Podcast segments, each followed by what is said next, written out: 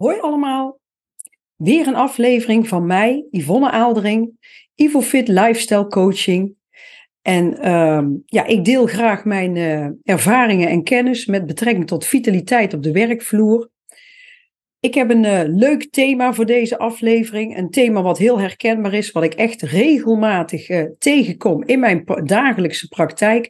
En dat heeft alles te maken met zelfsabotage en ziektewinst. Nou, wil je wat meer nog van mij weten? Kijk ook gerust een keer op mijn website www.ivofit.nl. Of abonneer je op mijn YouTube of podcastkanaal. Of connect mij via LinkedIn. Nou, we gaan wat meer praten over uh, ja, zelfsabotage. En uh, ik denk dat iedereen daar wel eens uh, ja, last van heeft. En niet altijd doe je het ook bewust. Hè? Dus uh, dat is ook heel goed om te vernoemen. Maar je, je hebt altijd wel eens dat je mensen tegenkomt die zeggen bijvoorbeeld: uh, Ik heb fibromyalgie en die laten de ziekte hun leven leiden. Maar jouw aandoening zegt eigenlijk niets over jezelf je mag eigenlijk gewoon jezelf zijn. En wanneer je een chronische aandoening hebt, is de kans absoluut aanwezig ja, dat jij jezelf met die aandoening gaat identificeren. zoals bijvoorbeeld, ik ben Mark en ik heb diabetes. Of ik ben Eva en ik ben slechthorend. En ja, het is natuurlijk wel een beetje logisch, want die aandoening, uh, die heeft natuurlijk invloed op je leven, maar die aandoening is niet wie jij bent. Je bent namelijk veel meer dan dat. En je hebt nog steeds allerlei kwaliteiten los van die ziekte. En de slachtofferrol, ja, die kan ook heel beperkend zijn. Maar soms zien we dat iemand in deze slachtofferrol blijft hangen. Misschien vindt hij het wel prettig dat anderen aandacht geven, de pijn bevestigen. Ja, dat men daardoor weinig verantwoording heeft. Um, hè, want je kan er niks aan doen dat je allerlei dingen niet meer kunt. Maar toch zal die aandacht uiteindelijk minder worden en zullen mensen weer dingen van je gaan verwachten. En het kan er ook voor zorgen dat je nog aanhankelijker wordt en verder wegzakt in die slachtofferrol, in een soort neerwaartse spiraal. Ja, en dan kan je afvragen hoe helpend is het. Maar goed, dit komen we dus veel meer tegen. En dat noemen we ook wel eens uh, secundaire ziektewinst. Ja, en dat verwijst eigenlijk naar de onbewuste psychologische voordelen die er zijn, hè, die mensen ervaren van hun ziekte hè, of hun gezondheidsprobleem. En het is natuurlijk heel belangrijk om op te merken dat niet alle cliënten dit gedrag vertonen of werknemers waar je mee te maken hebt bij je bedrijf. Maar ziektewinst kan wel een rol spelen bij het in stand houden van bepaalde gezondheidsproblemen. Of het kan het uh, herstel van iemand saboteren. En dan, daarom is het toch heel goed om uh, dingen te herkennen. Nou, als je kijkt van wat zijn nou eigenlijk vormen van ziektewinst, hè, want dan krijg je een beetje een idee en zal je het misschien ook herkennen. Ik zelf krijg het regelmatig als ik cliënten ga coachen, hè, uh, krijg ik ermee te maken. Maar aandacht en zorg, uh, ziek zijn kan leiden tot verhoogde aandacht hè, van familie, vrienden, collega's, zorgverleners. En die extra aandacht kan iemand een goed gevoel geven, dat ze belangrijk zijn, dat anderen zich om hun bekommeren. En ik zeg wel eens voor de grap, er zijn echt mensen die kunnen alleen maar op die manier om aandacht vragen en niet op een andere manier of op een, ja, ik zeg wel eens positievere manier. Nou, wat ook een vorm is, is ontsnapping of vermijding. Die ziekte die kan dienen als een excuus om te ontsnappen aan bepaalde verantwoordelijkheden, stressvolle situaties, conflicten of taken die als onplezierig worden ervaren. en dat kan je ook echt mee te maken hebben op het werk, dat mensen zich daardoor drukken en bepaalde werkzaamheden niet uh, willen doen, omdat ze dus met die ziekte, klacht, kwaal zitten. Nou, soms zien we dat mensen ook uh, verplichtingen vermijden. door ziek te zijn kunnen mensen onder sociale verplichtingen uitkomen, op het werk, op school, sociale evenementen. Ja, en dat geeft hen dan toch wat meer vrije tijd. Nou, soms zie je dat het ook echt invloed heeft op iemand zijn identiteit en zelfbeeld. Voor sommige mensen kan het hebben van een chronische ziekte gewoon een integraal onderdeel worden van hun identiteit, waardoor ze zich speciaal, uniek of anders voelen dan anderen. Nou, wat ook een bijkomend voordeel kan zijn, is dat sommige mensen echt er een voordeel van ervaren, heel indirect, zoals financiële steun, arbeidsongeschiktheidsuitkeringen of andere secundaire voordelen die verband houden met gezondheidsproblemen. Ja, en je zou zelf misschien zeggen, ik zou daar niet zo gauw voor kiezen, want er zitten ook nadelen aan en ik ben ook beperkt. Maar ja, het is soms heel bizar, maar er zijn mensen die dat als een voordeel uh, zien of ervaren. Nou, wat ook een vorm is, is emotionele steun. Ziek zijn kan leiden tot meer steun van anderen. Hè? En dat kan helpen om ja, makkelijker met bepaalde problemen om te gaan, emotionele problemen. Nou, soms zien we ook dat mensen uh, angst vermijden. Dat is ook een bepaalde vorm van ziektewinst. Sommige mensen kunnen onbewust gezondheidssymptomen vergroten of in stand houden als een manier om onderliggende angsten of om emotionele problemen om te gaan. Dus ze gebruiken dan de ziekte om bijvoorbeeld niet met zichzelf aan de slag te gaan. En, uh, want dat is nog veel enger, veel spannender, veel angstiger hè, dan uh, ja, die bekende ziekte die ze kunnen gebruiken. Dus die maskeert dan eigenlijk een onderliggend probleem. Nou, het is heel belangrijk om op te merken dat ziektewinst, dat dat heel vaak onbewust is. mensen zijn zich er uh, mogelijk helemaal niet van bewust en ja, dat ze bepaalde voordelen ervaren door een ziektegedrag. En als coach is het belangrijk, maar soms ook als collega of als leidinggevende, om dit fenomeen te herkennen en te begrijpen. Omdat het um, soms de omgang, de, de, ja, de werkwijze kan beïnvloeden. Hoe dat je met iemand omgaat. En als coach is het voor mij belangrijk bij mijn um, ingezette strategie, mijn, mijn plan waarmee ik aan de slag ga. Want dat kan dus echt het herstel of de resultaten of het doel van een cliënt uh, ja, belemmeren.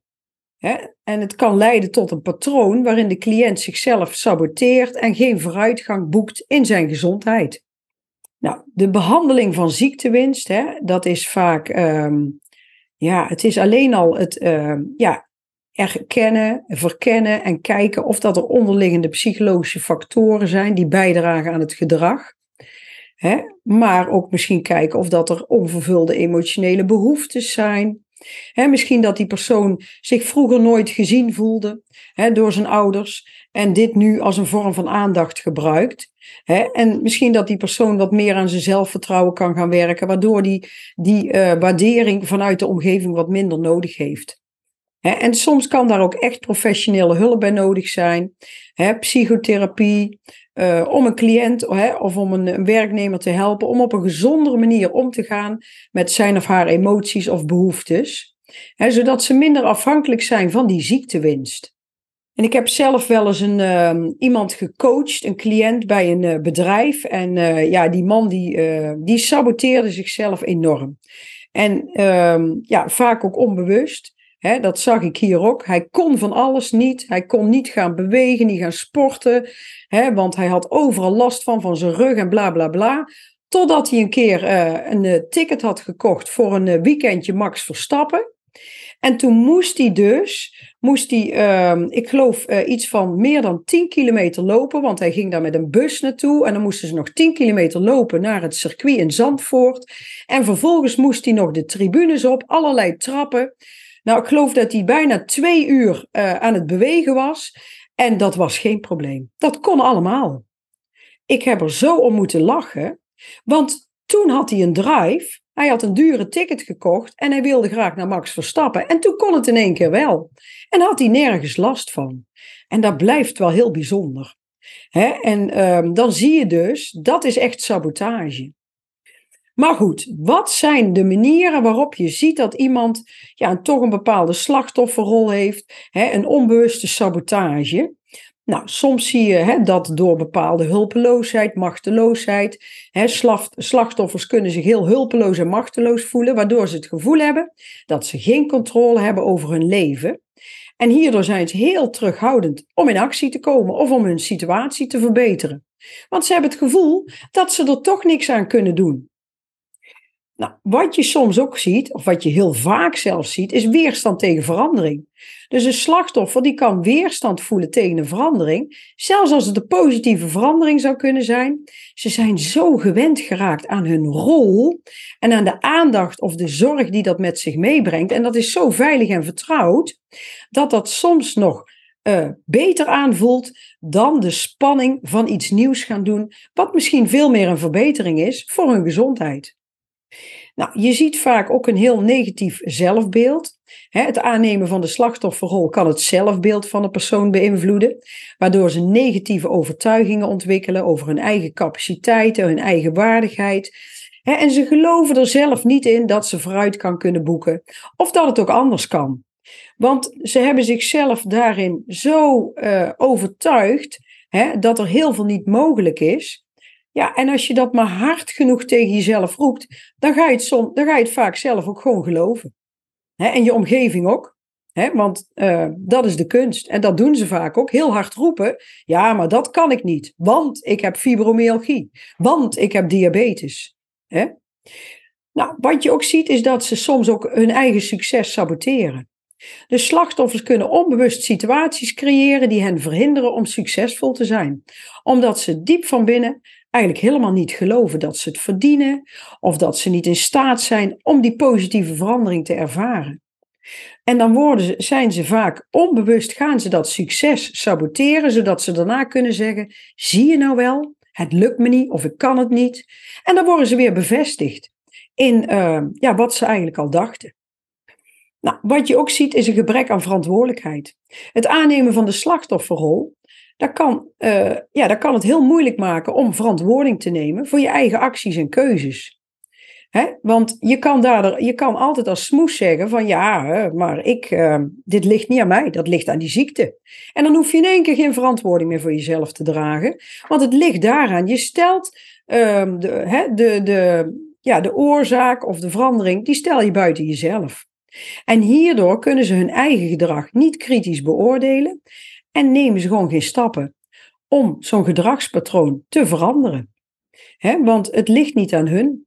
het is niet uh, hun gedrag wat ze moeten veranderen. Nee, het ligt aan die gezondheidsklachten, van die ziekte. Ja, en dat is soms echt wel heel belangrijk om te weten als uh, zorgverlener of als coach of als leidinggevende. dat onbewust die slachtofferrol bij cliënten, dat dat uh, hun helpt om in een negatief denk- en gedragspatroon te blijven, maar dat dat dus ook echt soms echt doorbroken moet worden. Nou, hoe kan je nou zo'n negatief denk- en gedragspatroon doorbreken? Ja, er zijn natuurlijk verschillende mogelijkheden en niet alles zal voor iedereen werken. Hè? Dat is altijd heel erg per individu verschillend.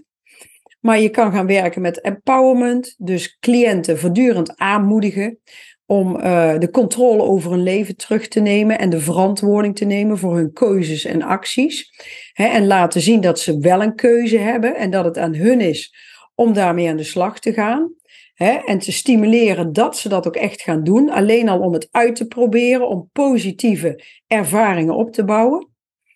Je kan met werken met positieve versterking, dus benadruk de positieve effecten en de aspecten van persoonlijke groei en vooruitgang en moedig zo'n positieve verandering aan.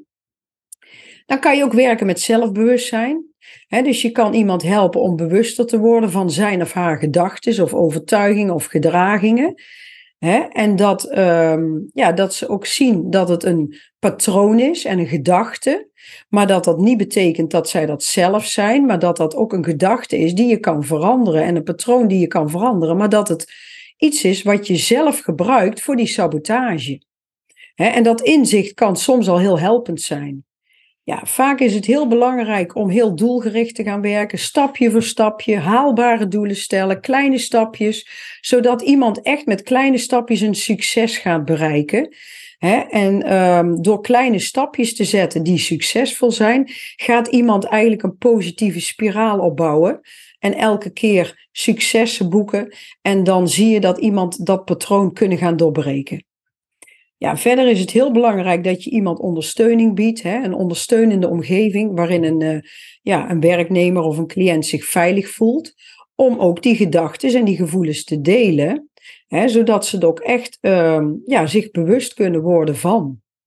Ja, en door het aanpakken van die slachtofferrol en het bevorderen van een positieve mindset en, en persoonlijke verantwoordelijkheid, dan kunnen dus uh, ja, werknemers, cliënten, die kunnen zichzelf beter gaan bevrijden van die onbewuste sabotage en daardoor ook meer een positieve verandering in gaan zetten in hun eigen gezondheid, in hun eigen welzijn.